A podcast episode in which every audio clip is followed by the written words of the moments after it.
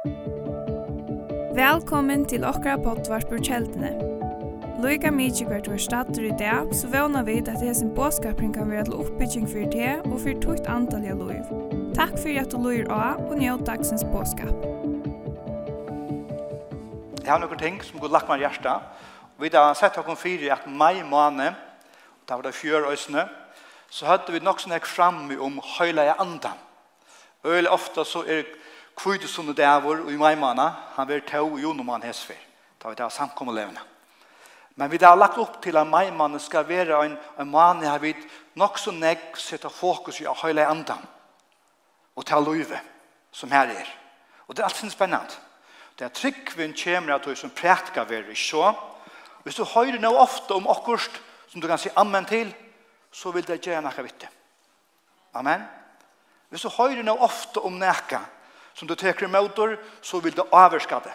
100 Og tog vil jeg til tog sette fokus på noen ting som skal være vi til at forme okken, eh, uilat okken, så vi blir lukket som bare fyllt vitt Og det må bare, og det som du har fyllt vi, det vil komme ut så eller så. Amen.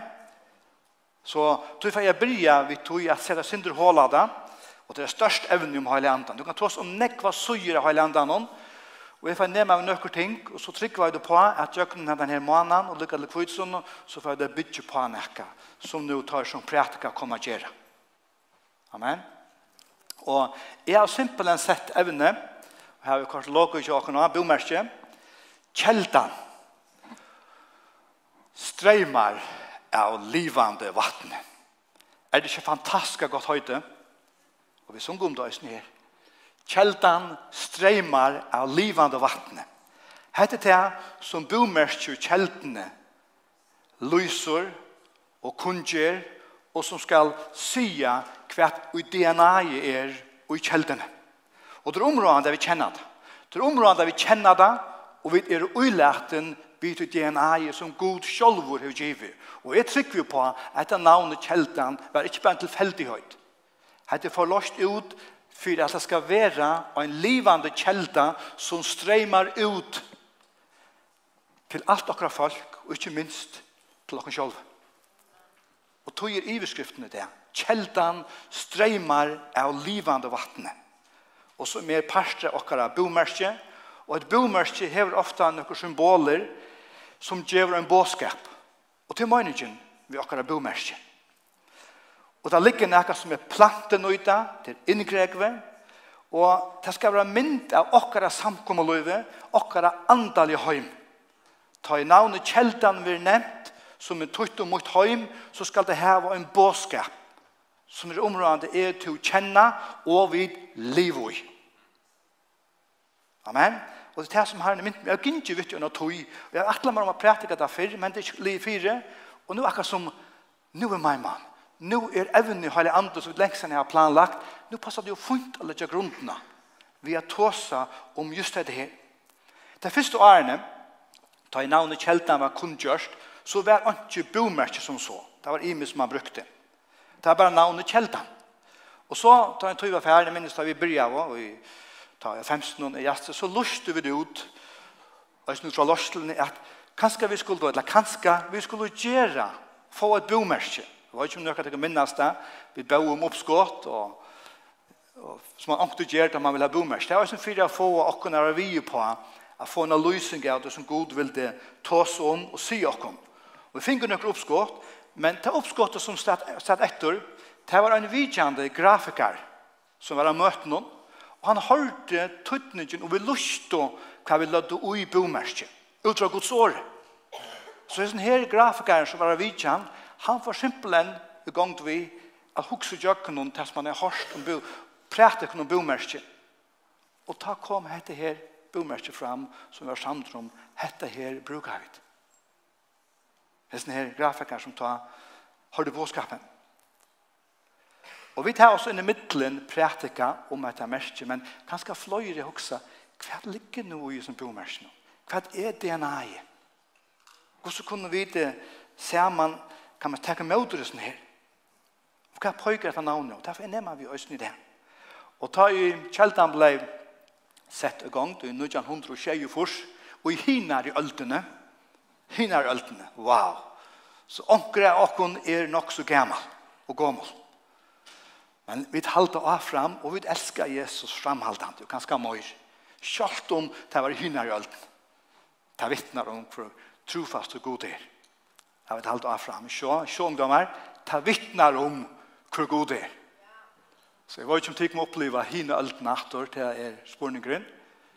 Mølig anker. Jeg gav mølig ikke. Hvis Jesus ikke kommer natter. Det er så det som vi ikke ordentlig vite. Men vi kunne sjående si at noen tøyer tekjen til på gå. Så lærte man kunne livet for hånden. Amen. Og Det ble også skriva en sanger ta, og det var Saulun Abrahamsen. Og hun skriva en sang om navnet Kjeltan. Og han øya ut i arkiven om Saulun. Og hon tok i ønnen verset båskapen om kvinna vid Sygasbrunn. Og det sier, ah, nu vakne, nemlig. Og til her i parster er som lyser tøtningen av okkara bomerskje, kvinnerne som kom vid Sikarsbrunn i Johannes evangelien kapitel 4. Her er Jesus og lærersvarnene våre fer, og tar vår i djøkkenen Samaria, som man helst ikke skulle gjøre ta i tøyene, til jøter og samaribygvar var ikke, jeg tar for fudgen der, og tar for inn alle søvnene her. Men Jesus, han hukser ikke, så han får bort til Samaria, da Jesus sier henne, han sier henne adult agenta, men det var han ikke for hånden, men kanskje for henne. Han visste i heve nekka, og tog for han og djøkken Samaria, og det stender at Jesus var mauer. Her så gjør vi det menneskeslige og Jesus. Han er menneske, og han er Guds soner. Han var mauer, og han sette seg vid brunnen, sykharsbrunnen, at kvile seg, men han lærer svannene for inn i byen, at kjeipa med. Og Jesus har nok vite at det kom en kvinne.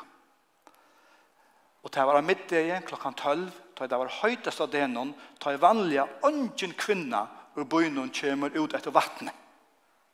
Tog at det var så høyt, man kom alltid om morgenen, og er det ble for høyt. Men hendan kvinnan kom etter vattnet, tog at hendan kvinnan, hon var en av tøymon og kunne vi sige. Hon var en som følte seg ytla i Samaria, tog at det, hon var en kvinna som har haft flere menn, og det kom inn og satt i øsene, og han som hei nu, han hei hun ikke. Eller han var ikke med over henne.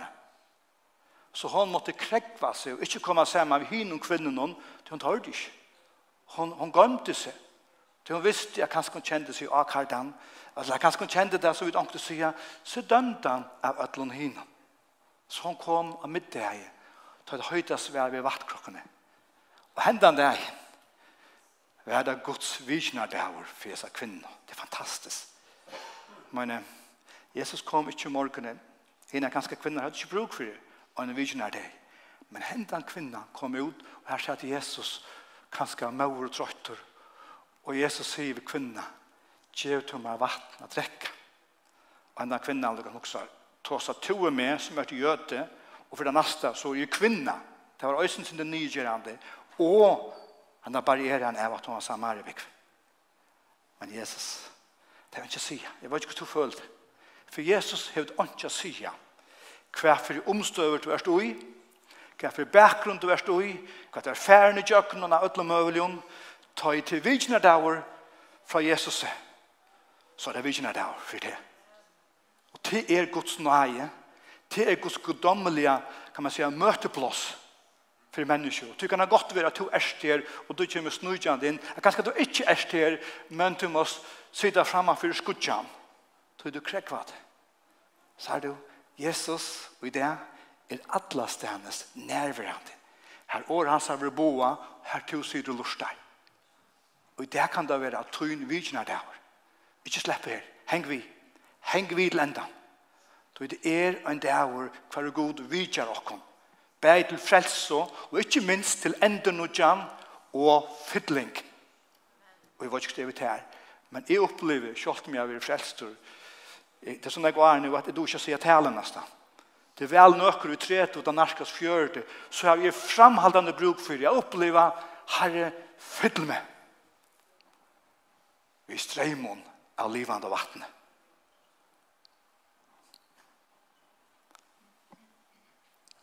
Halleluja. Halleluja. Sært du? Henda kvinnan tåsa seg ta om Jakobs brunn, som var øyla tøyande brunner, som ta ble griven. Og Lukas ville si av ja, men det er ikke hver som helst som er griven av brunnen til Jakob. Og Jesus fyrir Lukas som og bruker en dialog til et her, og han sier, og han viser han jo, at øyne kvar brunner som innehelter vatten, hukse om fysisk vatten, Det kan sløtja tostan og en løtto. Men så kommer tosten attor. Ikke så? Du kan svære atla tistur og få det av vatten, men kanskje en timme søtten eller tvær timme søtten. så er det atter tistur, akkurat som jeg er nå. Og så må man sløtja tostan. Og for det om jeg får meg vatten nå, så kan det godt være om man har løtt og så er tistur atter. Eller torr i munnen. Så dette vatten her nemmer vi det som er fysiskt Og Jesus brukar det som en inngang til disse kvinner, for jeg viser henne jo av, jeg har noe annet vatten som jeg kan bjøve til. Og det her, vi skulle få nemme vi til henne løtta løtta, og kjenne etter at Herren vil øyne her i morgen, her i det, sløtja tosta til mennesker. Vi er klare. Takk og møter. Og jeg stender, og i Johannes Det er ikke bare noe farverst, jeg forstår jeg fra jøkken etter. Fyra, og vers 14, så løs. Men han drekker av vattnen, og jeg gjev i hånden, det sier Jesus, skal ikke tysta, og i atler ever. Wow, sikkert noe et vatten. Når vattnet, og jeg gjev i hånden, skal vi noen kjelta av vattnet som springer, den er her tøyingsender, vettler opp til evet liv. Wow, det er ikke øyde av kjelta som Jesus tåsar om hvis det er kvinna, som hun kunne få lot i. Det vil si, tar vi drekke av hese her kjelta, så vil det øyne, som Jesus sier her, åpna en æra kjelta innan ui okkon, så en omgande tyster etter vatten i atr. Og en færna kjelta innan ui ser, som djevor ævet liv og her vil sjå han tåsa om andalet liv. Ikke om det fysiske vattnet. Men Jesus brukar mynden her at du drekker til vatten er djeve, så åpnes opp på en annen kjelte enn han ut der. vekkene at du lover Jesus inn. Og hentet han kjelten, det er akkurat som før i tøyene, som man gjør det ta i øsene, så har man ikke vatten lagt inn i husene. Man måtte etter vattnet på en eller annen måte, som øsene han kvinnen gjør det.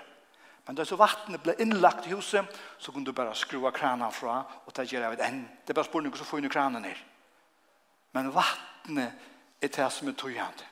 Du kan se en god krana, og en Du kan ikke bare vattnet rikker, så sløtjer han tøsta.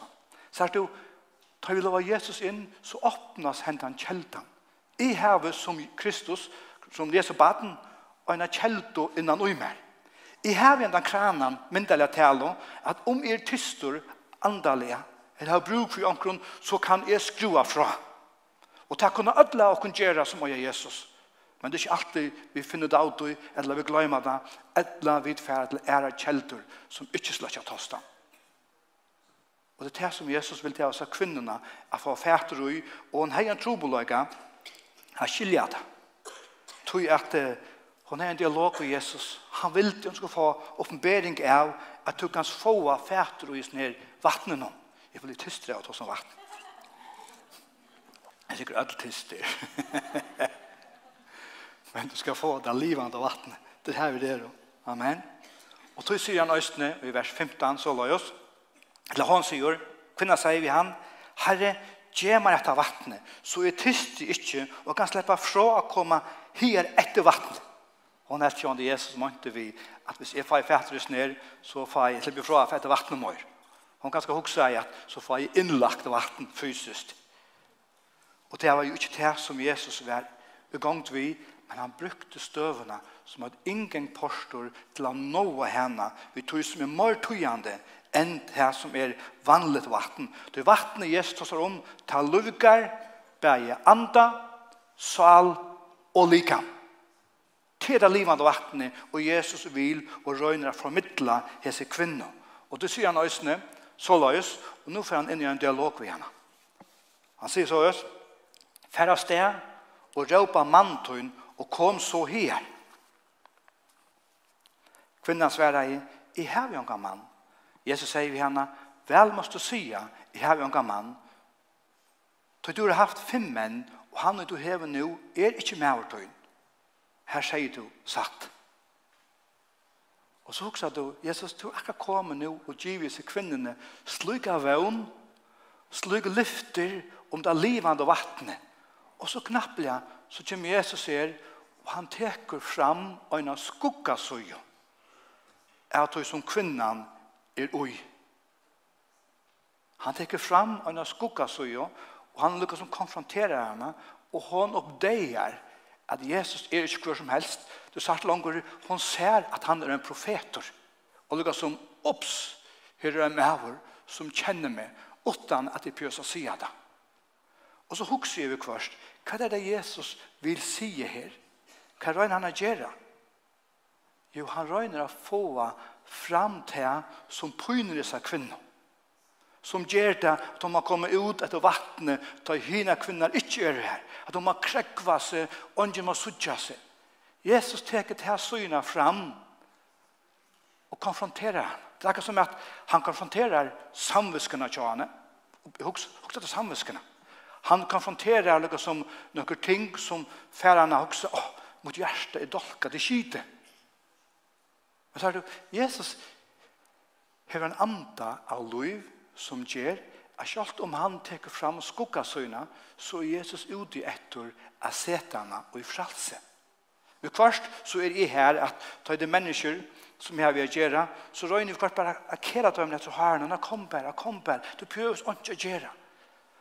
Det kan godt være anke du er det så løs, men vi kvart så skulle vi få fram skuggasuina, til at det er skuggasuin, til som pøyner kommer fram, ta kommer fralse inn. Du tar og Jesus kan sette i frihøyt, og henne kvinnan kan skje først, noe som hun at lønne forsværa seg, men hun var ærlig. Og så er så ikke du er han profetor. og hun gomte seg ikke møyre. Hun gomte seg ikke møyre. hun åpna opp sitt hjärsta, Så hun sa at her var mæveren som kunde løysana ut og i fralse. Og just hetta er ligelen til fralse for menneskjøn at vi leta skugga søgn opp, her vi tava ringa samvisko, her vi gøyma nokkur ting, vi åpna nokkur opp fyrir Kristus.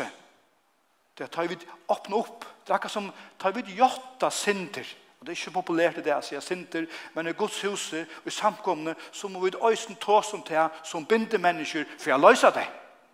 Amen. Vi kunne ikke bare dekke det ut Vi må få det ut, for jeg skal komme inn ved det livande vattnet og sett og i fralse. Og hatt det båskapen og i Guds åre og i heilandan. Og hendan kvinnan, hon opplevde at Gud møtte henne. At hon opplevde at vattnet og Jesus gav blei en kjelta i henne som vettler fram som springer fram. Og hvis du leser vers 93, tar han finner etter møte ved Jesus. Ja, men, så er det da vi får møte ved Jesus, så er det noe som gjør noe vi okken, at vi klarer ikke halda okken for oss selv. Ak, ta meg ut. Ta livet av vattnet, som vi kvart er som å springe vatten. Ta et fart og møte ved Jesus, så springer det ut. Og hva gjør denne kvinnan? Hon får vi fer inn i bygdene. Ja Hon som hei lust om hjørnene, krekva seg ut og vise vattrukkene for å få vatten. Hon kom inn, ja, og møtte honom, at han var Messias. Så er det, ta i livet og vattnet kommer inn, ta i springet vattnet kommer inn, så vil det høyres og kjennes etter at vi kom han til har møtt Jesus. Og så kom alle bøyeren, bygden kom ut, Og de fikk at høyre Jesus. Nå tror jeg ikke bare at hun er sagt det, men nå møtte de Jesus i øsene. Øyn likla personer som var skommende bygtene, var likelen til bjergjeng for flest mennesker i Samaria hendene deg. Amen. Vil du være likelen? Vil du være han som kan fære og djeva etter livande vattnet til at du møtte Jesus og han leier inn vattnet og ute, springevattnet som du kan strekke av men som er atla til så mong ånder. Hatt det som hele anden gjør.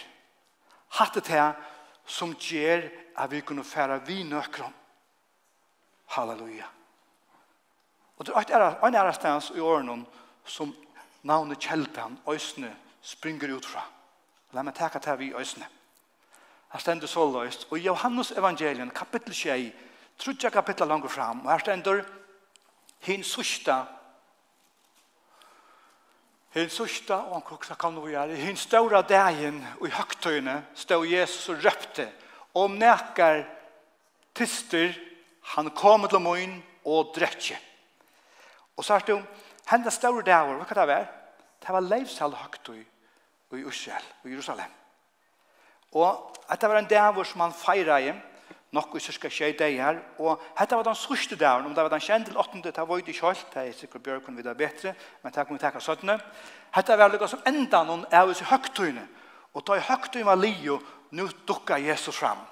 Og hva er det hvor han begynner å råpe om dette her, dette her vattnet, det tror jeg at så som jeg lyser meg det til, her var ikke Bjørkund også bedre, han kan rette meg etter nå, han får ikke tog jeg gjøre det nå, at ta tog og prestaner, vattkrukkene, og børen igjen i tempelet, og oss her, av stegen, vattnet. Og Jesus har alltid brukt dette døme, for jeg sier vi til, vi er det klart, jeg har et bedre vatten. Jeg har et bedre vatten. Hinn sørste, hinn ståre dagen, leivs all høgtøyne, så stod Jesus røpte, han som tyster, kom til min og drekke. Og så sier han, hva gjør det? Tann og utrura med, ur løyvi hansara, skullo, som skriften har sagt, og nå kjente at det settningen, renna, renna, streymar av livande vattne som vi døl ofta brukar, kjeldan og underhøyde, streymar av livande vattne. Det stender bøkstavlig godt sår. Wow! Og da vi ångte bruker året kjeldan skala 4, så var det synd det bevurst at vi satt skala 4. Ikke skala botten, for jeg ikke diskuterer vi falske som bor her, og stemmer om det, Men vi vil ikke gjerne lyse kjeldan skala for for det skulle symbolikken være til at vi var en samkomma som får ut etter fjøren og nådde ut. Ikke bare her, selv om man plante her. Og tog er vi folk alle sanns fra. Vi får utvise kjeldene til mennesker. Og det tror vi bruka og hadde navnet Kjeldan Skalafyr. Anke døy tar i kjølmiller tåsa, så sier det Kjeldan Skalabot, så blei anke det rett av dår, utan det pjøs av verden, diskusjon om det skala for, som blikker ned, vi får ut vi nøkron. Amen. Og så sier han vågjere, da vi tog som disse streimene her, så skal jeg verset gjøre sammenhengen om. Hetta sier han om andan og til skulle få som troa han til høyla anden var ikkje enn av da Jesus var enn ikkje våren dormeter. Så er det da Jesus sier hese kundingene, så var Jesus ikkje deier, Han var ikke rysen opp, og kvide sunnan, her uthedelse andan hon, var heller ikke kommet. Men han tog seg langt her om noen lyfter, om det som skulle hente, ta i tantøyen vær. Og han var ikke lengt vekk heldur, da Jesus sier til her, at jeg sier han om andan, og at jeg skulle få oss som tro han, til hele andan var ikke enn, av det Jesus enn ikke gjorde dårmekter. Men sier du, det er jo Når 2000 år siden sier vi, eller omlag 2000 år siden, siden det hendte, så vi er en ærerstøv til er hent. Hele anden er uthelter. Han er risen opp. Og nå kunne vi kvann det drekke av kjeltene, mottake av det livande vattnet, til han er uthelter. Og her kunne vi si, da vi tog som hele anden, at øyder hele anden som pant, Ta merskjur at du kan øya frelsevissene, anden bøyre mer, som han har viss om at jeg er hans rabatten. Til en parster av hele andan. Du kan øyne av hele andan som løye til atlans handløyga. Du kan høyre anden sier vitte, gjør no hatta, eller ring til handan, eller vær vi til at få mot navn dormet her. Og så kan så øyne oppleve hele andan som en uthedling av Guds kraft, som dynamitt, som er sprøndstoff, og til øyne parster av andras uthetling, som fytler det, som gjør der iverflå, og som øyne gjør at det så streimar ut til ånder, og til anden av kvidesånden som ble forløster. Hva er det som vi dør lot i, og vi kunne leve i, til pjøsja boja mer, som i svertel Israel, jødene boja enn etter Messias, fløy av dem. Men sikkert en skandala, kunne vi sagt. Ikke jeg var klar i vår, til er give, jeg kan leve ut i. Amen. Fantastisk. Jeg kommer ikke i dårlig. Hva så gløy meg etter det? Kjære Jesus, jeg kan skrua kranen fra. Og hva så er det så godt å bygge for hverandre. Det er hva opplever jeg, da anker ikke heter godt, det er så byer, så kan jeg hjelpe til å skru kranen. Så det herfra. Det tog vi til byer for kroner. Sært du, at det kom ganske små kunnskap, vi har ikke gjør med det nye. Vi har bruk for ångte skru av kranen fra Jankonøren. For løsa det ut, da vil man det komme og opplever torsfra tøyer. Vi bruk for å være båren. Bæra byrer. det jo. da vi tar oss av kjeldene når jeg kommer Det er området vi fenger til at det er flere mennesker kommer sammen som har kjelten i seg, som jeg vet nekva okken her heva, øyne på kongene, du har kjelten i der, du er åpnet for Jesus. Og så er det nekva okken koma saman, så øyne bliva overfor. Er så? Ta i kjelten blir bare fyttelsbæra og fyttelsbæra, så knappt så blir det renivor. Og det er det som gjør at det blir overfor. Så myndelig tale, så er det området vi huksa. Da jeg kommer sammen med mine syskjon, så er vi til å få møyra vatt i løkken. Møyra vatt som flyter ut, så det streimer. Og kommer så onker inn som onker hever, så kan vi ikke ikke annen bli berørt. Da er det overføre. Og ta i det fossa nyer, kan onker Ankt er ankt lagt mest til det torra tøyer som ankt er en sommar i alt av fjør. Det var torst i flere viker. Man fikk trobolaga av vattnet. Man måtte løysa, spæra vattnet, spæra vattnet. Og alt torska is opp. Og sjått om okkur løyde drøss koma regne. Gjør ikke mån. Det suga nøys. Men det er så over for det kom. Så ble vi bare, kan man säga, marsjer og eier, det ble skålet ut, og først var det sånn der brun, og alle møvene som kom vi, det skålet ut, rønt seg, Og det er just her som det livande vattnet gjør. Jeg var ikke støvet her, men jeg har bruk for at dette overfører bare skåler skålar enn Å, Oh Lord, som det sa det for mor, Lord, her er møyre av det her. Møyre av det her. La meg, la meg takke det sørste punktet her, som jeg halde er viktig, og nå får jeg lyse en bomerke for det her, sti for sti. Sti Så du skal skilja hett i den livande kjeldan som er parster av, som er mot heim, som er mot DNA, som god til å give okkon. Men still, det er andre mennesker som finner på alt. Vi kan høre fra hverandre og gjøre det som rett er, vannande, men det er god som gjør det til okkon. Alt som vi har finnet er gava, som vi kan omsida. En det andalige gaver som god gjør det her er mer å bruka, er noe som er givet av hånden. Og tog må vi alltid æra gode. Vi öllum tog som han gjør okkom. Bæja talenten og høren. Er gode. Vi elsker deg sånne mennesker og ungdomar som har finnet kjemiske talenter å bruke. Er gode vittu. Kast du syndja. sikna vil ikke greva at han gjør. Så så misser du det. Kast du syndja, så bruka det. Og hvordan var det du kan syndja? Ånden vil høre det og sier, wow. Kast du ikke syndja, så vil ånden tida. Wow. Da jeg synes ikke du, så sier han ikke nekka ved meg.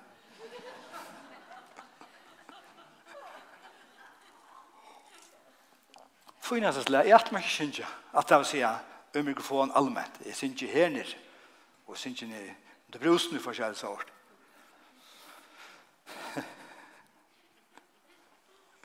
Hatt er steg her vi skulle røyne av og veksa. Samt man er øysene vendingarstæver. Det er vendingarsentur, kunne vi sige. Amen. Og la meg teka, her har vi bomers. Og det skal flott halvtid. Og det hever nekker, nekker sannlager her som i halvtid er øyla livande. Og jeg skal prøve å lysa øyn og øyn. La meg forstå det hjertet. Her har vi hjertet i bomersen som kanskje sast best. Og det tror at hjertet skal lysa at så høgt elskar Gud høymen at han gav sånn sønn Han gav sånn sin. til er Guds kærløk. Hjärsta. Så hvert han som tror han ikke skal fortapas, men han er av liv. Og så sier Øsne i Rønbraunum, her har bibelversen her, du kan skrive der den gjør, så løs, til kærløk Guds er utheltor og hjørsten okkara vi høyla andan som giver nokken er». Wow! Det vil si at Hetta hjärsta som skal lysa Guds kärlöga er ösn utheltur og i tæra mer. Inte gå imma det. Jag tror vi skulle utvitt det. Du finns ju att den kärlögan är nöjde som vi kunde geva til ånder. Till farstor av hjärtan. Og så igjen her har vi så jag tror inte puntar här. Och det här tar jag tar jag attlar till. Eh, det første er, da vi tar tås om det här till er tru ånden. Tru ikke buntar, vi kunne godt skulle brukt noe annet, men bare for å få myndene fram. Og tru ånden til en øyla områdende parter er at bytja samkommeløyve, vil si rett. Den apostolska troa jottan tåsar øystene om fægir sån og heilig andan. Jeg trykker vi av god fæger, og sån og heilig anda. Og så har du, den apostolska troa jottan, hon er hundratals år skriva ut, da man sier langt av byrjanene, for at samøyna Guds folk, samøyna Guds samkom og Guds kyrkjå.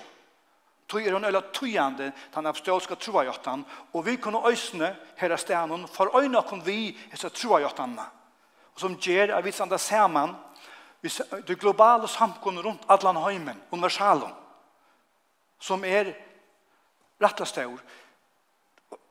det som sekterist til øyla nekka som er dult, det er fjalt, og det er krekvast. Det er lysindur, det kallar man øyla ofta nekka som er sekterist, og det kan for øyla lagt og er sujuspår.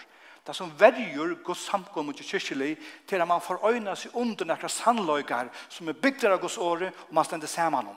Er du klar i vår at og i heimen under det tar vi tås om karismatisk pinsakarismatisk tungetalande kristin så finnes det omløy 600 millioner globalt Vi er ikke ensamhet. Come on. Det er en stor global samkomma. Man sier det er om fors millioner lutheranere, men 600 millioner tungetalende kristen. Måtte være det til å bli tungo, være fyllt vi andan om, nøkkelunda sårtøl, det brøyta seg og synder. Så gav oss to som ganger kjeltene, hoksa der, og i løtene er det ikke indre andre millioner, kanskje det er morgen til her, som er det som er. Så er det slags ikke løgn av lukka vel. det er godt ved du heldig det vil løgn i fargen, men globalt så standa vi sammen om noen ting som lyser. Og tog er tru øynden her øysene, som øysen skal kunngjøre til. Men samtidig som er så puntene kommer inn, så er det atle eller formen ekka. Synder i bakgrunnen av hjertan og strømene krossen faktisk. Det er selv ofte vi har haft det fram, jeg har finnet Judith, som er en god designere, Judith, kan du hjelpe meg å få løsningene fram som låger noen, bomersen og prøve å forsterke hvert øk. Så han er forsterket av som krossen her. Og til øk som tog, vi vil gjerne at dette sted skal bytja av en båtskap, her vi ikke gå i meg. Det er ikke meningen. Det stendur, det er skriften her på bønt, 1. Korint 8, og 8, til år krossens er vårt tøyme for dorskapet som får tepas, men okkon som frelst vera er det kraft gods». Det vil si, «Øysen her ligger øysen i kraften». Og 1. Korint 2, 2, så jeg setter meg ikke videre tikkere tikkare mittlån, utan Jesus Kristus og han krossfestan, så vi kommer boa hendan krossen, Lykke til Jesus kommer atter. Til han er en kraft til frelse for mennesker. Vi kommer ikke å gøyma året om krossen her i kjelden i skala 4. Vi er tungetalene kristen, fyllt vi anda, men krossen er akkurat grundalega. Og minst til, vi krossen blir vi at lykke. Lykke mye hva sender kontoene, lykke mye hva vi hovfarve vi det av, hva vi kommer fra, vi krossen er vi at lykke, vi er brød og systrar. Og vi må omgående fære bort til fra som grunn av leie. Og som vi vil ha prætika.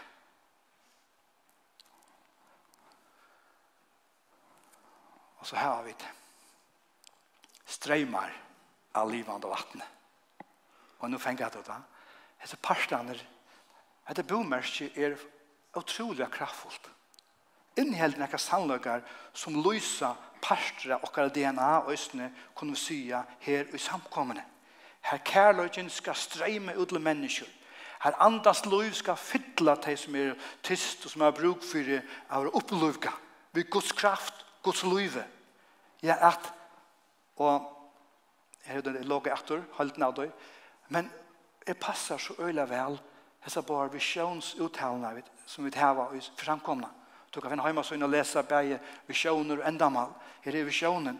Så er det jo okkara visjoner av kjeldan skal være en andalig mydepel for alle følger, og at mennesker i alle landen skulle komme sammen og oppleve Guds vekkingar anda, tog det streymar av livande vattnet.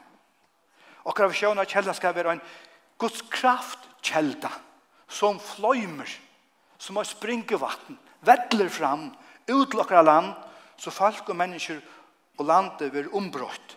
Og her kunne det være lagt av tre. Det er godt av sjøna, ikke alltid litt å skrive her. Og denne kraftkjelden skal nå ut i andre hånd. Godt at det mangler her. Gustav så over året og på rett av maten. Så er det jo, her har vi parst av akkurat DNA. Hette heimtøyt, du som har heim her. Her kan du bruke dette her utgangsstøy for å minne av er parster av så livende kjelden. Det er ikke bygningeren. Han har gått lyse opp over en båskapper akkurat som du hører en kross om halsen, som skal minna du av, og minna mennesker av, at jeg er standig for krossen om. Bygningen her er en båskaper, bomerker er en båskaper her, at vi stand opp for det.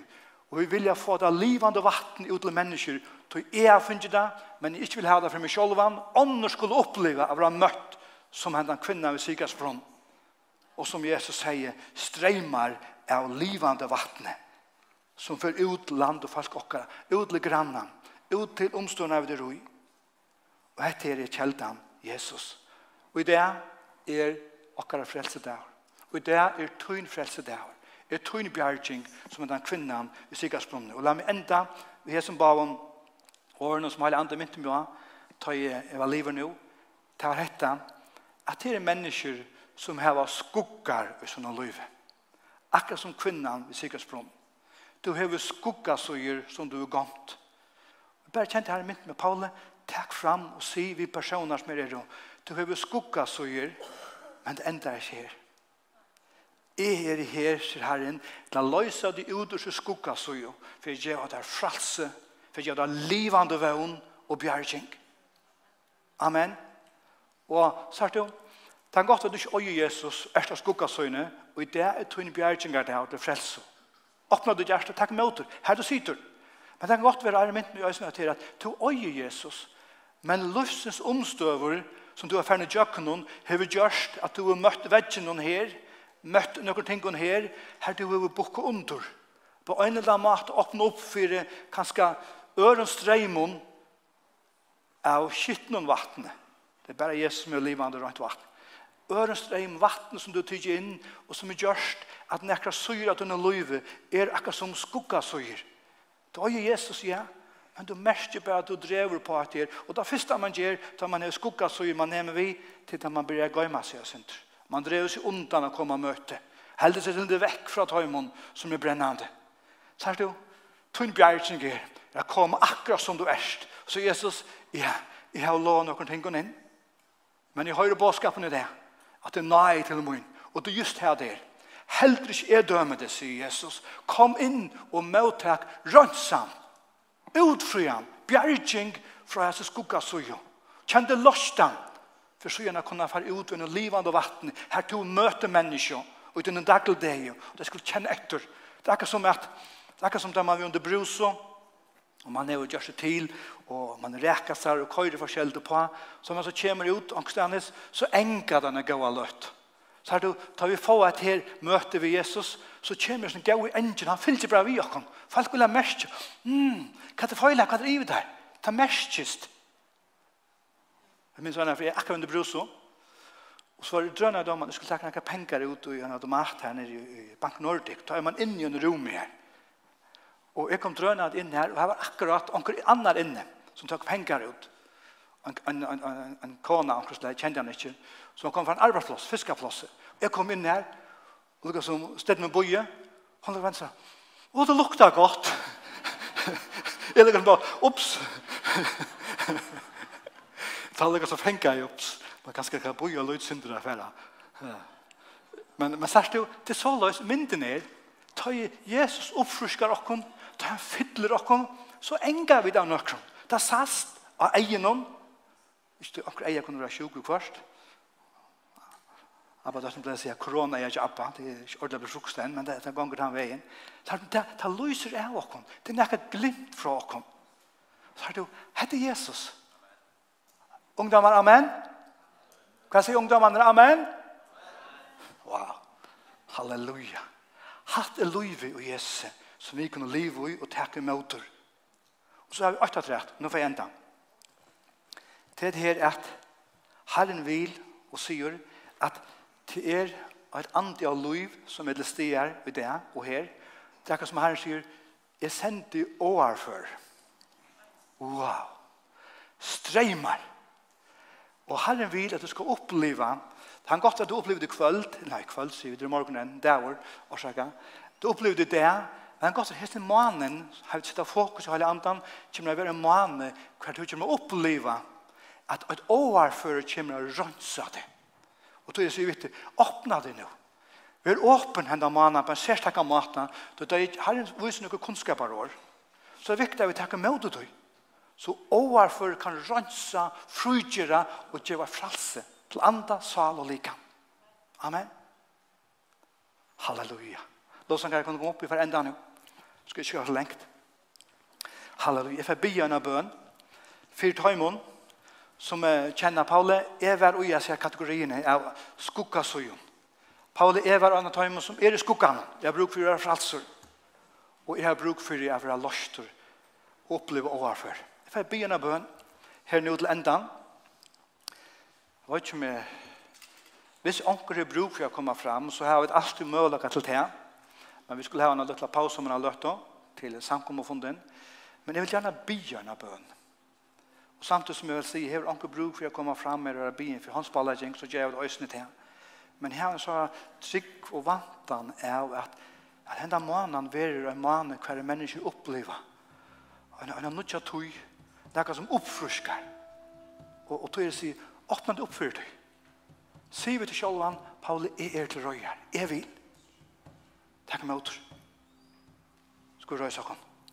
Kom bra sakila bahando sukundori arade. Kom bra sakila bahando sukundori arade. Lebra hando sukundori arade. Halleluja. Jeg vil først si jeg vet det. Du som du som ikke sagt ja til Jesus. Du øyer ikke. så sa kjelten ut der. Så kan du nå takke med åter. Takk Kanskje vi skulle dølt gjøre nå at vi blunda bare og er innenfor hos Asien. Om onker er inne her og sier, Pauli, jeg har bruk for så kjelt å komme inn i mitt liv. Jeg har omgang til gjørst det. Vi har møte henne og ta. Kanskje du sitter fremme for skudgjene enda. Og du er omgang til gjør at du sverlig Jesus. Så får jeg be deg om Arne byen av bøn, her du stender og sitter. At du retter hånden opp og bærer lykke som gjør meg. Det er at du svær. Pauli, jeg er han som er har bruk for.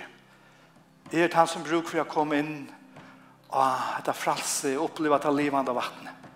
Så bare halte en hånd oppe av litt av løtta, til som er høy møysene, bare litt en hånd opp fremme for skjermen. Du litt en kilomoin, men du litt en til Jesus. Så til du gjør det, så det er Jesus som ser, og en hånd som sier, jeg gjør at det svær her. Jeg har bruk for som livande vattnet, som blir lagt inn i mitt liv. Det frelser. La meg bena bøn for det. Herre, du ser hender som rattar seg mot det her. Og nå byr om herre at hessen her, etter livet av vattnet, streimene skulle bare bli innlagt der her, enn den kjeltan her, ja, liv, forløse det ut i Jesu navn. Og herre, vi byr seg bøn i Jesu navn, takk at du gav det liv av krossen noen, takk at du røst opp at du, og takk at du er min herre, og du er min frelser. i Jesu navn.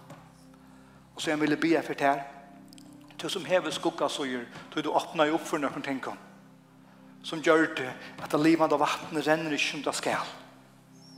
Nå kan du øyne her du stender. Om du vil ha det dekket i bønene nå, så kan du godt litt en hånd opp og kan ha nyret. Det var det det fløyer som han sier, jeg har bruk for jeg så bønene til her.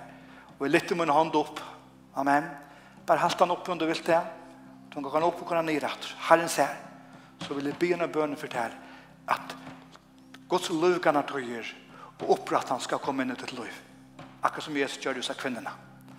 Herren, du ser de som har givet at og svær, og kanskje de som ikke tør du, men innast inne så at jeg har bruk for jeg var løster fra hese skukkasøye. Fæger og Jesu navn, så legger vi til hese skukkasøye som kanskje bare to vårt av, en under krossen her i Jesu navn. Og takk for det, fralse og utfrian og fyrirgjøving her. Og jeg takk for det her, at just nå så lette du så lukkan.